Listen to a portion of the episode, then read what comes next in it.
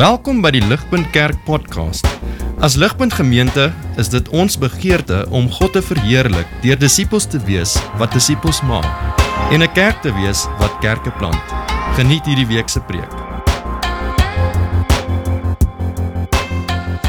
Gisterand uh, by 'n troue, 'n familietroue en soos wat baie keer gebeur in dominies by troues is of mense vermy jou of hulle hardloop na jou toe.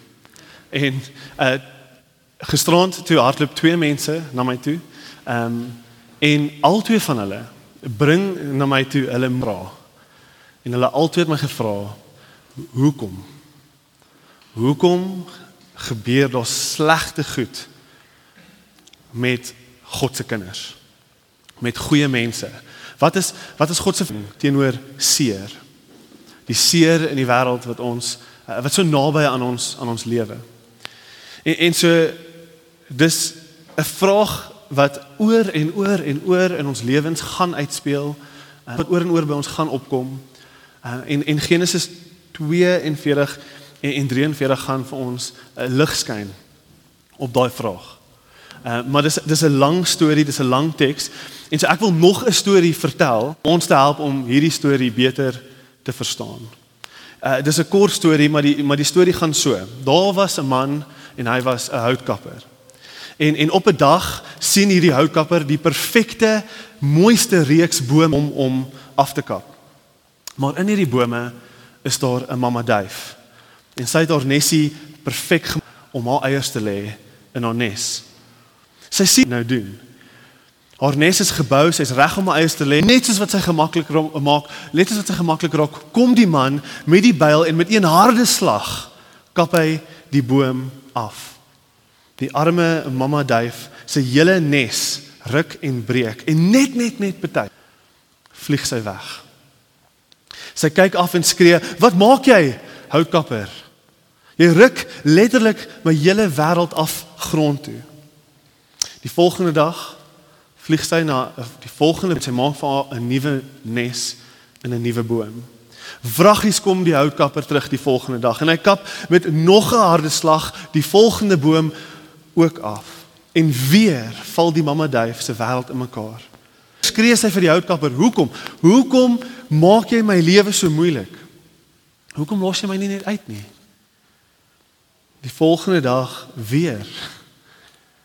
Toe sy die laaste takkie in die laaste plekkie gesit het vir haar nuwe nes, in haar nuwe boom toe kom die houtkapper weer.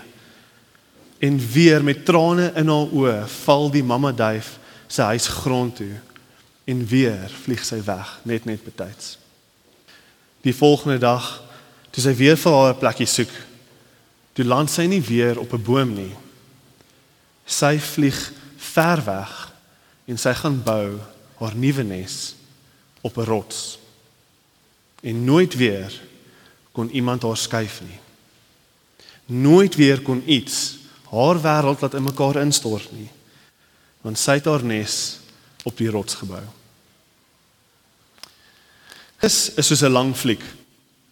En die fliek van Genesis uh, gaan oor God wat 'n nuwe mense wil oprig. 'n Mense wat die seën moet wees vir 'n gebroke wêreld. Die probleem is ons sien oor en oor en oor God se mense is 'n gemors. Hierdie hierdie mense wat God na toe beweeg is, is sondig en gebroke. En so wat ons gaan sien in in een klein uh, uh, van hierdie movie, hierdie lang fliek, een episode van hierdie lang fliek is Genesis 42 en 43 en in hierdie klein klein gedeelte van die lang fliek sien ons hoe God die gebrokenheid van sy mense 'n gebroke mense wat hy wil oprig om die wêreld te seën. Hoe hierdie hierdie hierdie Jakob en, en sy gesin en en hulle gemors. Die die 12 seuns, die toekomstige stamme van Israel, hoe hy hulle ontmoet in hulle gebrokenheid. Hoe hy hulle jaloesie, hulle selfsug, hulle hart wat vol haat is. Die verkoop van hulle broer, daai tipe hoe hy hulle genees. Hoe hy hulle ontmoet en hoe hy hulle heel maak. Wat ons sien is dat God nooit sy mense los in hulle sonde nie. Vanoggend gaan ons in hierdie episode sien hoe God uh, in hierdie hierdie groot storie waar hy nuwe mense wil oprig. Hoe hy hulle seer ontmoet en hoe hy hulle genees. In in hierdie episode is God die houtkapper. En ons gaan sien hoe hy 'n paar bome afkap in die lewens van sy mense sodat hulle hulle huis op die rots sal bou. So hoe gaan ons hierdie doen? Ons gaan net deur die storie werk. Dis 'n storie en ons wil net deur die storie praat. So uh wees geduldig. Um, dis 'n lang storie. Uh, maar ons gaan net weer 'n paar punte uitwys en, en net weer deur die storie werk en dan as jy deur die storie gewerk het, gaan ons net vir al die toutjies by mekaar trek. So kom ons begin met die storie. Uh, ons uh, herinner onsself gou aan wat gekom het, Josef. Uh, hy is nou 'n uh, Farao se uh, Farao se regte hand. Hy is in die tydperk, hy is maklik in die tydperk in een van die magtigste posisies uh, van die tyd. Uh, in sy drome het God voorspel vir Egipte dat daar 7 jaar gaan droogte gaan wees en dat daar 7 jaar uh, 7 jaar van oorvloed gaan wees en dan 7 jaar van droogte. Uh, deur God en Josef se wysheid beplan Egipte vir die droogte. Hulle vat die 7 jaar van oorvloed en hulle beplan, hulle hulle stoor graan, toe kom die droogte. En, en ons storie begin met die droogte wat nie net Egipte tref nie, maar die hele wêreld tref. Die droogte is nou hier. Egipte, dit gaan goed met Egipte. Hulle het oorvloed. Al die nasies, al die lande om Egipte sukkel. Die droogte het gekom.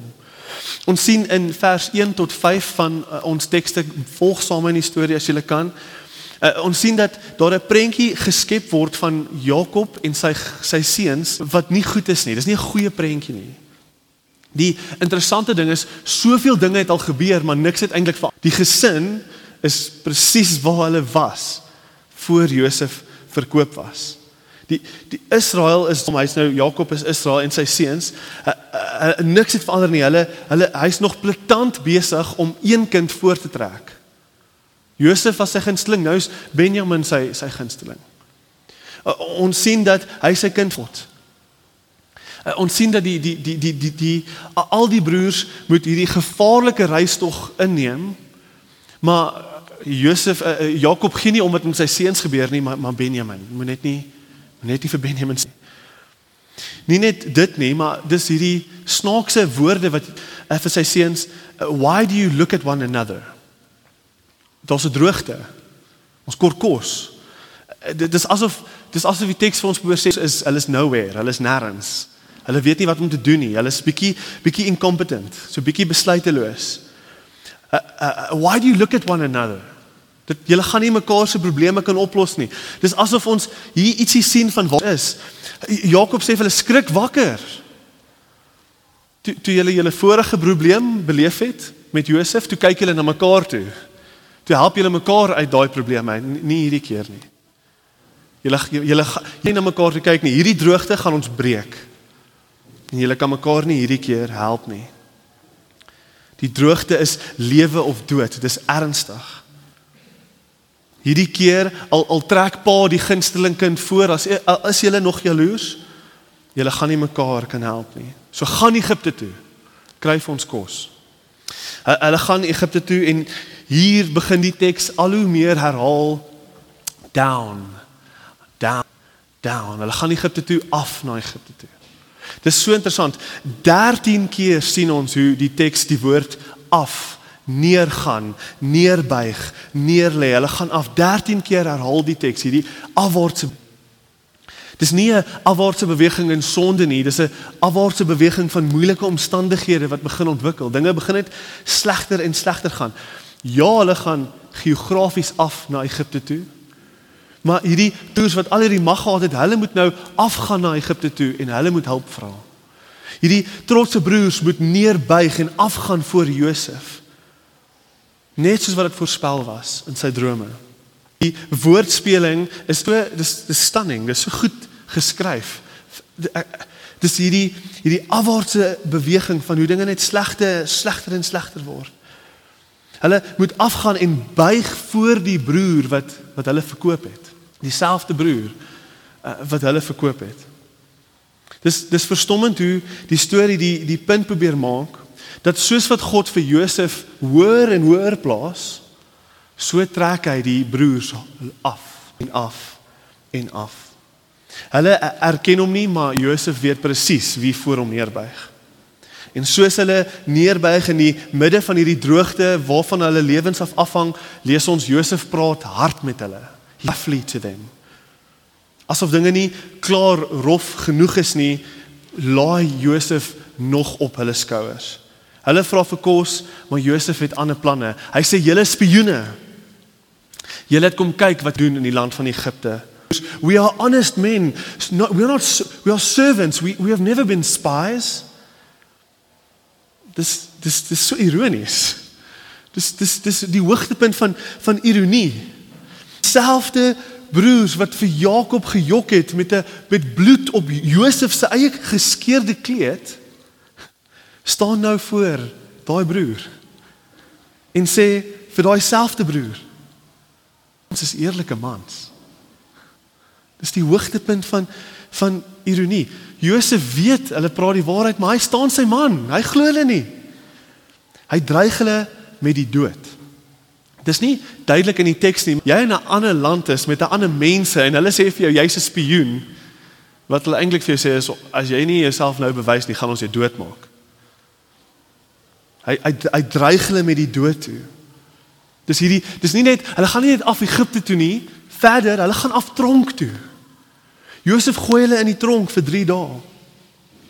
Die die die die die teks en die storie skep hierdie hierdie merkwaardige oomblik waar waar Josef sit met die gesag en die die broers beleef iets uh ietsie wat wat Josef al klaar beleef het. Uh, Josef het beleef wat die broers nou in die tronk beleef toe die broers vir Josef in die put gegooi het. Maar nou gooi Josef hulle in die tronk. Hulle om uh, verkoop te word, om weg te gooi te word, om in die tronk te gooi te word, om afgegooi te word. Die die die teks hierdie prentjie waar die die rolle omgeruil word. Die ironie is, uh, Josef weet hulle praat die waarheid, maar hulle kon net sowel gelieg het. Hy weet hulle woord dra geen mag nie want hy hulle leuns beleef. In hierdie oomblik waar die rolle heeltemal omgeruil is. Waar hulle in die tronk sit en Josef sit met die mag. Daar word daar iets ongelooflik gesê in vers 21. Kyk met 21. Dit behoort ook vir julle op te kom, maar vers 21 sê daar's daar's 'n massiewe oomblik van inkeer vir die broers. Hulle gaan af en af en af en af en en hier is daar 'n massiewe oomblik van inkeer. Then they said to one another, in truth, we are guilty of our brother. We are guilty. Ons sien ons sonde. Ons sien in die tronk hier op hierdie lae plek sien ons ons sonde. We are guilty. We we saw this of his soul when he begged us and we did not listen. That is why this distress has come upon us. Die dis die dis so kragtig en en mooi gestel vir ons. Die die boodskap kom die boodskap sy seer, sy pyn word hulle distress. Dit word hulle seer. Dit word hulle pyn in daai lae plek. Die seer van jaloesie jaloesie voel hulle self. In hierdie lae plek voel hulle self die pyn van hulle leuns. Die pyn wat Josef beleef het. Hulle oë gaan oop vir die boosheid van hulle harte, hulle hulle afgoderry, hulle hulle haat. Ruben sê verder, hy sê, "Did I not tell you not to sin against the boy?" in vers 22. But you did not. So now there's reckoning for his blood. Ruben was skuldig. Ruben was net so skuldig soos die ander broers. En so wat hy eintlik hier sê is ek voel skuldig. Die skuld is te veel op my nou. Hy probeer homself verdedig. Ek het ek nie vir julle gesê nie. Kyk nou hoe hier betaal ons die prys. Die skuldgevoelens is belaai op hom. Dit vreet hulle almal op in die tronk. Want dis wat sonde doen. Sonde kom oor en oor en oor en terug in ons harte in en en en dit herinner ons, dit tuister ons. Veral sonde. Veral daai geheim goed wat ons weet verkeerd is. Dit is asof dit oor ons hang en dit vra heeltyd vir 'n reckoning, dit vra heeltyd vir 'n betaling. Dit sê heeltyd hierdie is hoekom slegte goed met jou gebeur. Hierdie is hoekom slegte goed met jou gebeur. Die skuld lê op hulle skik. Hulle voel heeltyd hulle moet nou betaal vir wat hulle gedoen het. What comes around goes around. Kry vir jou. Dis wat sonde doen. Hoe verder hulle afgebreek word deur omstandighede, hoe dieper word hulle gekonfronteer met hulle sonde en met hulle harte. Vanaf vers 18 af gaan die storie aan. Hulle sit so lank genoeg. Hier hulle en hy sê bewys julle is eerlik. Ek gaan julle huis toe stuur met net net genoeg kos dat julle gaan moet terugkom sodat julle kan bewys dat wat julle sê oor julle jongste broer Benjamin waar is. Bring hom. Hier's genoeg kos, maar bring hom terug. Ek wil sien. Ek wil julle jongste broer sien. As julle nog kos soek, as julle wil lewe, bring julle jongste broer. Ek wil sien. Ek gaan julle een broer hier hou uh, as hostage. Hy hy gaan bly bly bly, bly by my. Gaan, bring broer. Hulle gaan en op pad terug sien hulle die geld wat hulle moes betaal het vir die graan sit nog in hulle sakke. En hulle harte val grond toe. Asof hulle situasie nie uh, hopeloos genoeg was nie. Hulle sien daar hulle, hulle hierdie is die situasie tot op hierdie punt in die storie. Hier is hier is seuns, hulle pa is nog altyd liewer jongste broer as wat hulle ooit vir hulle was. Hulle pa is nie lief vir hulle nie. Hulle pa is nie lief vir hulle nie. Hulle sit in die midde van 'n droogte wat hulle gaan doodmaak en hulle enigste oplossing is 'n man wat dink hulle is spioene en hy wil hulle doodmaak. Die enigste opsie wat hulle het is om hulle jongste boetie wat hulle pa baie liever het as vir hulle. Hulle moet hierdie jongste, hulle moet hulle pa oortuig om hierdie broer saam te bring en hulle weet hulle pa gaan dit toelaat nie. En nou boop alles. As hulle hulle pa kan oortuig om vir Benjamin te bring, sit hulle met geld wat lyk asof hulle gesteel het. En dink dit as hulle gedink het hulle was spioene, gaan hierdie nie hulle situasie help. Nou is dit verseker dat hulle spioene is. Want hulle hulle was dit lyk asof hulle on Dis die situasie. Die die teks probeer vir ons half hierdie situasie, die broers vasgevang is met dood reg om hulle. Die dood van die droogte, die dood van van spioen wees. Die die die alles druk net neer op hulle. Daar's geen hulle is vasgevang in hom in hulle omstandighede en vorentoe of agtertoe die dood hopeloos. Hulle sit in die midde van hierdie met geen oplossing nie. En in vers 28 sien ons wat hulle harte sê. Hulle harte sê hierdie vers 28. Kyk sommer and the, at at this their hearts and they turned to one another trembling angstig. What is this that God has done to us? Dis die vraag. Dis die vraag wat ek gehoor het by die troue gisteraand. Dis wat die mens nog altyd gevra het in die midde van eh, donker situasies, donker tye, donker seer, dood om ons, is hierdie vraag. Is hierdie vraag. Hoekom God? Hoekom draai U in ons? Hoekom voel dit asof U teen ons is, asof U ver van ons af is, asof U ons wêreld laat in mekaar stort? Hoekom God?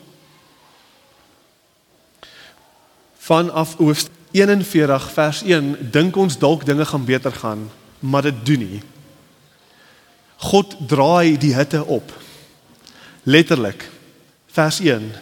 The famine was severe in the land. Droogte. God is nie klaar met sy mense nie. Letterlik uh, hy hy hy hy sit hulle in 'n pressure cooker en hy draai die druk op, hy draai die hitte op. Hulle moet weer eens gaan kos koop. Nou hulle pa oortuig om hulle terug te stuur met Benjamin, maar sy pa wil nie luister nie. Jakob wil nie luister nie. Ruben sê, "Vat my seuns in hulle in sy plek. Ek gee my seuns se lewe op vir vir Benjamin se lewe." Jakob wil nie. Hy weier. Hy gaan nie sy seun verloor nie. Hy gaan nie vir Benjamin verloor nie. Dinge raak erger. Die druk word meer. Die droogte is erger. Hulle kort kos. Jakob raak kwaad vir hulle. Hy stry met hulle. Juda kom en sê ons moet Jakob stry met hulle. Hy sê, "Hoekom het julle vir hom gesê van van Benjamin?" Hy, hy raak eintlik onredelik. Soos wat wat sê jy nou eintlik, Jakob? Ons vra dat Benjamin moet saamkom nie. Hy raak onredelik, hy raak kwaad. Hy probeer vashou aan sy jongste seun al beteken dit hulle gaan doodgaan in hierdie droogte. Hy raak woedend. Hy probeer vashou aan sy gunsteling kind. En wat gaan hier aan? Dis pad. Wat gebeur is dat Jakob onder hierdie druk, onder hierdie pyn, onder hierdie lyding wat gebeur is, dat onder hierdie druk, onder hierdie omstandighede word Jakob se afgod van hom af weggeruk. Jakob se word van hom af weggeruk, dieselfde afgod wat sy hele gesin verwoes het. En dis gewoonlik wanneer ons woede sien in ons lewens. Dis gewoonlik wanneer ons stry, wanneer ons wanneer ons terugstoot, wanneer ons onredelik raak en en probeer vashou aan iets al weet ons ons moenie. Dit gebeur wanneer ons afgod gechallenge word. Wanneer ons afgod van ons af wil weggeruk word. Dis gewoonlik wanneer ons sien dat ons presies soos Jakob optree. Wanneer iets heeltemal te belangrik is vir ons. Hier in die droogte ruk Jakob se afgod van hom af weg. Dis waar dis dis dis baie is baie merkwaardig dat dat Juda die een is wat vir vir Jakob oortuig.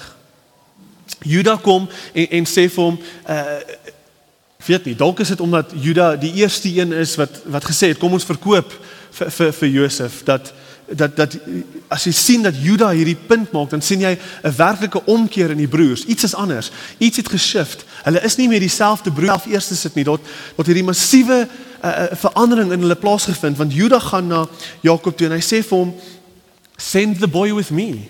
Vers 8 en 9 send the boy with me and we will arise and go that we may die. Both you also and our little ones. I will be a pledge for his safety sê Juda vir, vir Jakob from my hand you shall require him if i do not bring him back and set him before you let me bear the blame forever Juda se woorde Dis van hierdie oomblik af wat die storie heeltemal begin draai. Van hierdie oomblik af begin die druk verminder. Die die die volle die volle omkeer, die, die bereik deur die pressure cooker het nou plaasgevind. Die selfsugtigste broer wat vir Josef verkoop in die eerste plek sê nou nee nee nee, my lewe ek sal die blame vir ewig op my skouers draai. Hier is waar die druk e- verminder die storie gaan van hier af aan en ons kan voel hulle gaan nie meer af nie. Hulle gaan dalk af Egipte toe, maar hulle gaan nie meer af nie. Jy sal ver, sal verbaas wees. Hulle kom by by Josef aan en, en Josef sê julle eet by my en daar sit hulle almal om die tafel en en en, en Josef plaas hulle almal. Hulle is almal verbaas. Hulle is bang, maar toe besef hulle hulle hoef nie meer bang te wees nie. So daar's 'n oplossing daar. Ons hoef nie meer bang te wees nie. En Josef plaas hulle elkeen hy vir hulle 'n tafel en hy dek vir hulle 'n tafel presies van oudste tot jongste. En hulle is verbaas, hulle hulle weet nie mooi wat aangaan nie.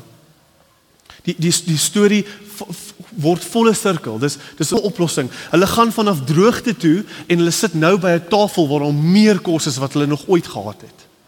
Josef dek vir hulle. Josef gee vir hulle kos.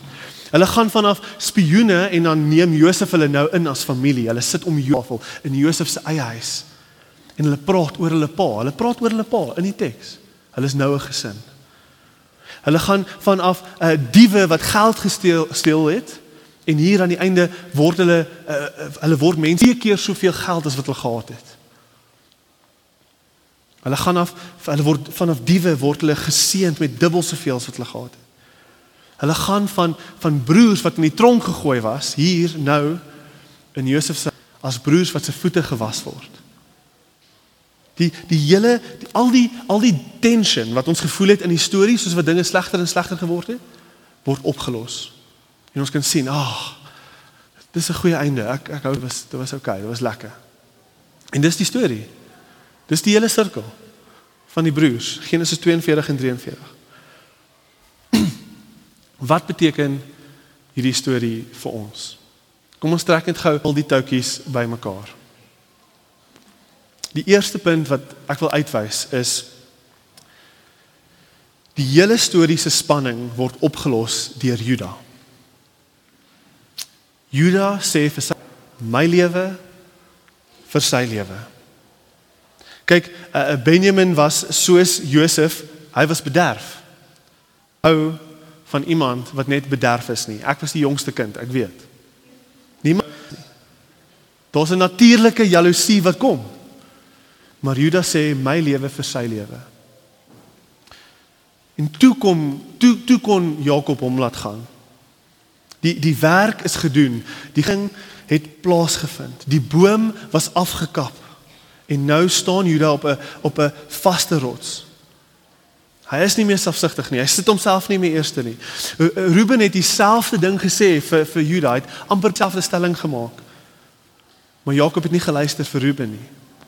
Jakob het geluister vir Juda. Want dit moes, dit moes Juda wees. Dit moes Juda wees.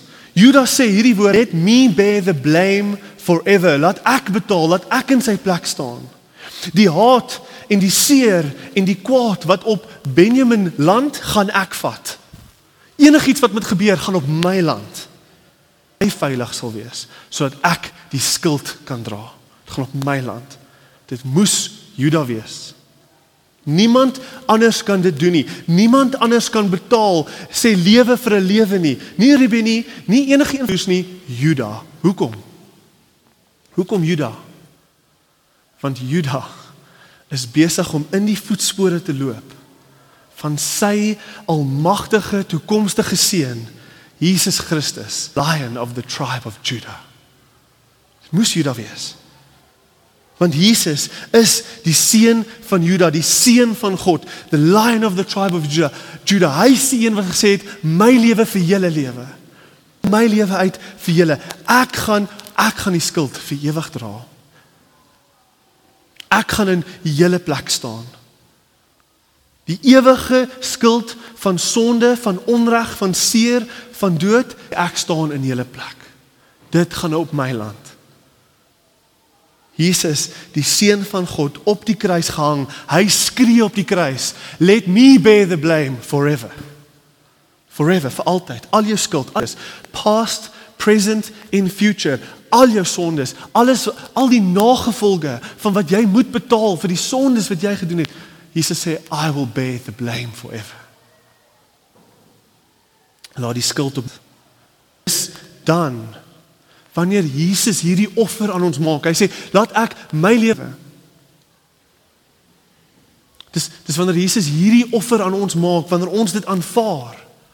Wanneer ons sê Jesus ek ek wil nie op my eie naam staan nie. Ek wil nie voor U staan met my lewe nie. Ek wil staan in Jesus se plek. Ek wil Jesus se geregtigheid op my hê. Ek wil sy naam hê. Ek wil nie my eie naam hê nie. Dis dis in hierdie plek waar ons ophou ons red soos die broers wat heeltyd elke slegte situasie in hulle eie hande probeer neem en ons sê nee nee nee nee ons kan nie meer nie.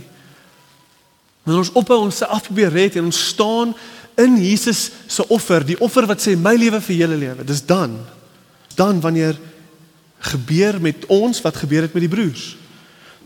Ons gaan van diewe van diewe wat arm is en ons is altyd op soek na na kos, ons is altyd honger, ons is altyd leeg En ons word geseën met veels wat ons gehad het.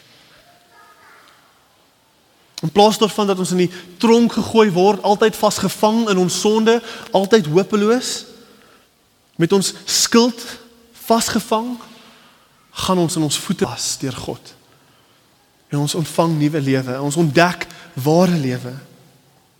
Ons gaan vanaf 'n uh, eh, spioene wat vyande is van God en ons word ingeneem in God se familie en ons word God se ons word God se kinders.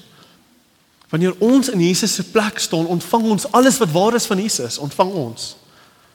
Ons ontvang sy seën, sy beskerming, sy goedheid, die guns wat God het vir Jesus, ontvang ons. Ons word Jesus se broer, ons word 'n kind van God. En alles wat daarmee saamgaan. Dis die eerste ding wat ek wil hê ons moet sien. Ons word kinders van God soos wat ons staan in Jesus se plek. En soos wat Jesus staan in En en dis belangrik vir ons om dit te sien want dis die basis van wat ek wat ek nou wil sê. Want die tweede ding wat ons sien in die storie is omdat ons God se kinders is. Omdat Jesus in ons plek staan en ons in sy plek staan. sien ons in die teks die genade van God wat sê dat wanneer ook al hy afruk is hy eintlik besig om op te bou. Dis wat ons sien. Wanneer ook al God afruk, is hy eintlik om op te bou. Ons vra soos die broers, hoekom God? Hoekom die droogte? Hoekom hierdie pa wat nie lief is vir ons nie? Voel dit asof God op elke hoek en draai teen ons is? Dis 'n vraag wat ons almal vra. Kom hierdie familie met hierdie familie konflik en en hierdie familie moeilikheid. Hoekom is ek hierdie week my my werk verloor? Hoekom hierdie land, hierdie geweld, hierdie seer, hierdie ekonomie? Hoe En en hoekom hoekom ek in die midde van al daai, hoekom gebeur dit met my, met ons? Dit kan groot goed wees, dit kan klein goed wees. Die lewe en die seer om ons frustreer ons. En wat ons sien in die storie en in die belofte van Jesus wat staan in ons plek en ons in sy plek is hierdie. Die genade van God vir sy kinders is dat hy 'n vader is vir ons. Hy's ons is nou kinders van God. Hy is nie minder lief vir ons nie. Dis nie die antwoord nie. Hy hy straf ons nie. God het nie eintlik teen ons gedraai al voel dit asof hy het nie. Hy is so lief vir ons in Jesus dat die teks probeer vir ons sê wanneer God afruk is hy eintlik besig om op te bou. Dis die belofte. Ons hemelse Vader wys ons deur die storie dat hy altyd die uiterlike seer wêreld Hy vat al die goed wat teen ons kom, al die seer en moeilikheid en sonde en hy vat dit al en hy werk dit teen goeie uit vir ons vir almal wat na Jesus toe kyk. Romeine 8 vers 28. Hy vat die uiterlike seer van die wêreld en hy bring dit in lyn met ons innerlike sondes sodat hy kan sien, sodat ons kan sien, sodat sodat ons kan sien, sodat hy ons kan vorm en vou soos 'n pottebakker, 'n hemelse pottebakker. Hebreërs 12 sê dit sê dit so mooi. Ek kon ek kon ek kon dit nie beter stel as hierdie nie. Hebreërs 12 sê My son Do not regard lightly the discipline of the Lord, weary when reproved by him. For the Lord disciplines the one he loves, he chastises every son whom he receives. It is for discipline that you have to endure. God is treating you as sons. For what son is there whom his father does not discipline? Dis die voorreg van om 'n kind van God te wees. Wanneer ons vra soos die broers, hoekom God? Wanneer ons wonder, straf God my want ek het een of ander sonde gedoen en en eers en dalk kry God my nou terug want ek het daai en daai en daai gedoen. Wanneer ons dit wonder, ons voorreg as kinders wat in Jesus staan om te kan sê nee, met alle sekerheid nee. Die die siel leef is nooit God wat ons straf nie. Hoekom? Want Jesus het die volle prys betaal. Jesus het in ons plek gestaan en die volle straf van God is op hom. God straf ons nie wanneer dinge verkeerd gaan om ons. There is now no condemnation for those who are in Christ Jesus. Romeine 8 vers 1. As jy vanoggend hier sit en jy voel God straf jou, stop. Hoor die goeie nuus. Hy doen nie. Jesus staan in jou plek. Hy het die volle straf van, hy het die volle straf gevat vir alles wat jy gedoen het. Vir alles wat jy nog gaan doen. Hy het geskree op die kruis it is finished. Dis klaar, ons niks Maar wat doen ons dan met die seer wat ons dan nog moet beleef? Ons sien dat God gebruik dit. Hy gebruik elke liewe situasie. Elke liewe seer, elke liewe sonde, liewe kwaad wat die wêreld na ons kant toe kan gooi. En hy sê soos 'n pappa, ek gaan jou opbou. Wanneer ek afruk, gaan ek jou opbou. Die woord dissipline is 'n goeie woord want dit is nooit lekker wanneer ons kinders moet dissiplineer nie. Dit is nooit lekker nie. Maar dissipline is nodig. Hy bou ons op. Ons moet ons kinders opbou. En God moet ons opbou. Ons sien dit, ons sien in die storie so mooi hoe die broers so blind vir hulle eie sonde en soos wat die die soos wat die die druk kom, die die die seer kom, die die moeilikheid kom, soos wat hulle af en af en af en af gaan, gaan hulle oë oop gaan hulle oop. Dit vat 'n droogte partyk in ons lewens vir ons om te besef ons ons ons is dors vir God. Ons so ons kort eintlik God meer as wat ons ooit besef het. Vat 'n droogte partykeer in ons lewens vir ons om by daai plek te kom. Partykeer vat dit 'n nederigheid, nê, nee, wat sê kniel bietjie voor jou klein broer. Gaan lê bietjie op jou gesig vir jou klein broer.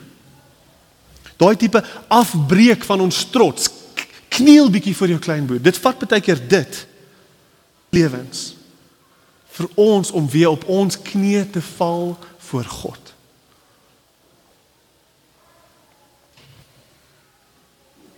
Tot ons nie self in moeilikheid gaan nie, sien ons nie, voel ons nie, beleef ons nie teen volle wat ons sondes kan doen aan ander mense nie. Wat se sondes 'n uh, eh, skade berokken aan ons gesin of selfs aan onsself nie. Ons sien dit nie. Ons gaan net aan. Ons gaan net aan. Tot ons soos soos Jakob weggeruk word nie. Kan ons nie tot volle waardeer hoe afhanklik ons is van hierdie afgode nie. En hoeveel skade hierdie afgode berokken in ons lewens nie. En in die lewens van almal om ons nie sien in die storie nê hoe mooi en hoe perfek sistematies draai God die hitte op nê sistematies stadig stadig op 'n op 'n presiese perfekte soewereine manier God die hitte op. Hy breek af. Hy breek af. Stappie vir stappie breek hy af. Hy kap boom af hy kap boom af 'n boom af. Nooit te veel dat dit hulle vernietig nie maar net net net genoeg dat dit hulle heeltemal breek binne en tot inkeer bring. Dit vernietig hulle nie, maar dit breek hulle genoeg.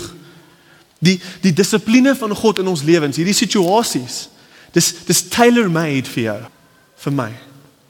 Die situasie is so perfek geskep, dis soos 'n skoen wat net vir jou pas. Die seer.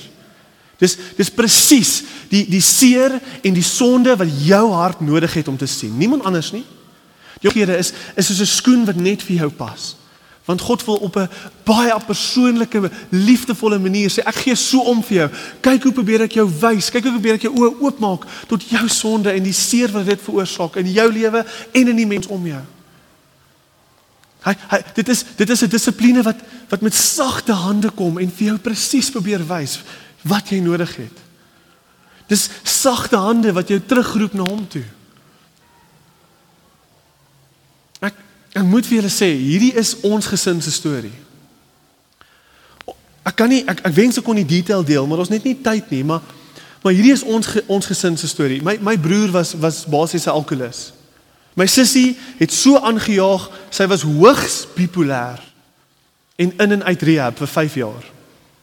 My pa was hard en koud en ver van ons gesin af. My ma was 'n troef wat nooit haar eie tekortkominge kon erken nie. En na ja, jare en jare se diep donker waters. Ek wens ek kon die stories met julle deel. Deur seer op seer, die die sonde op sonde op sonde wat ons hele wêreld wat in mekaar stort het. Het die Here ons gedryf tot op die einde van onsself toe as gesin. En hy het ons na ons knieë toe gedryf. Hy het ons uit ons nominalistiese, oppervlakkige wangeloof gedryf na 'n ware, opregte soeke en uitroep na God toe, 'n desperaatheid vir God.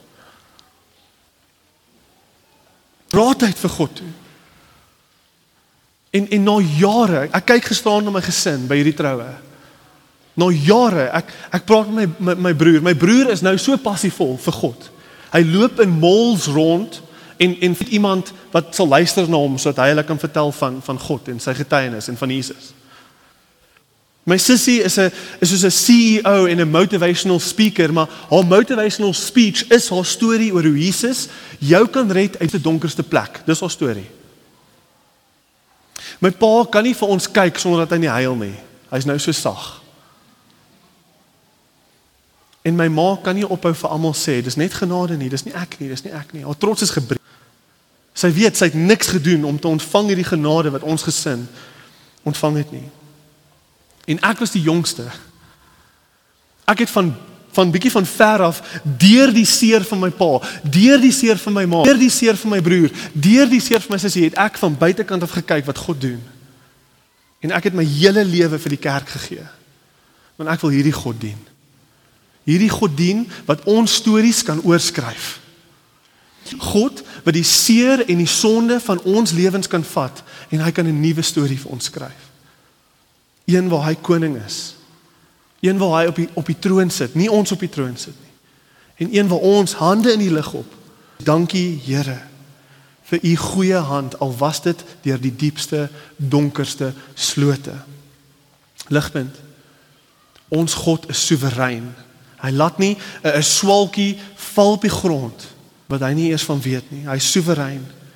En hy is besig om in jou lewe die uiterlike sat en hy is besig nou om deur jou uiterlike seer, jou gesin, jou werk, die, op die perfekte presiese mate daai uiterlike seer te vat en dit in lyn in lyn met jou innerlike sonde. Presies en perfek sodat ons sal terugkeer.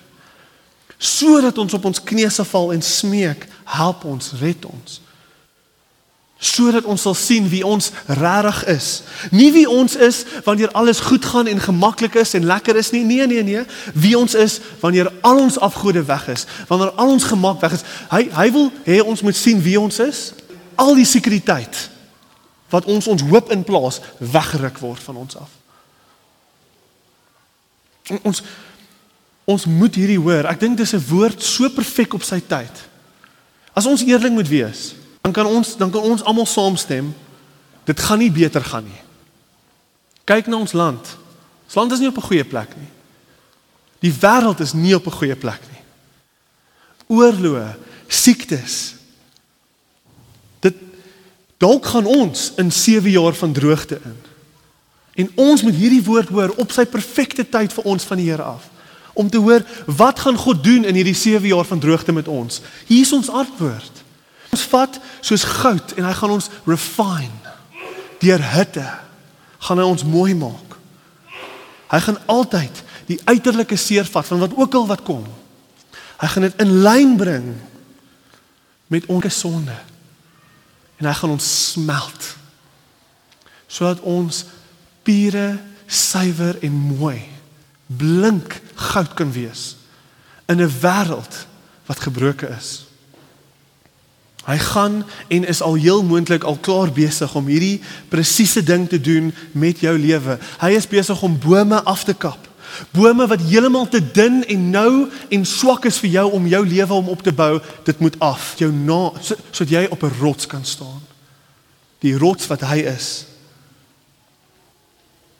Daar is soveel afgode wat ons in die steek laat, ons geld, ons sukses, ons naam, ons werk, ons familie.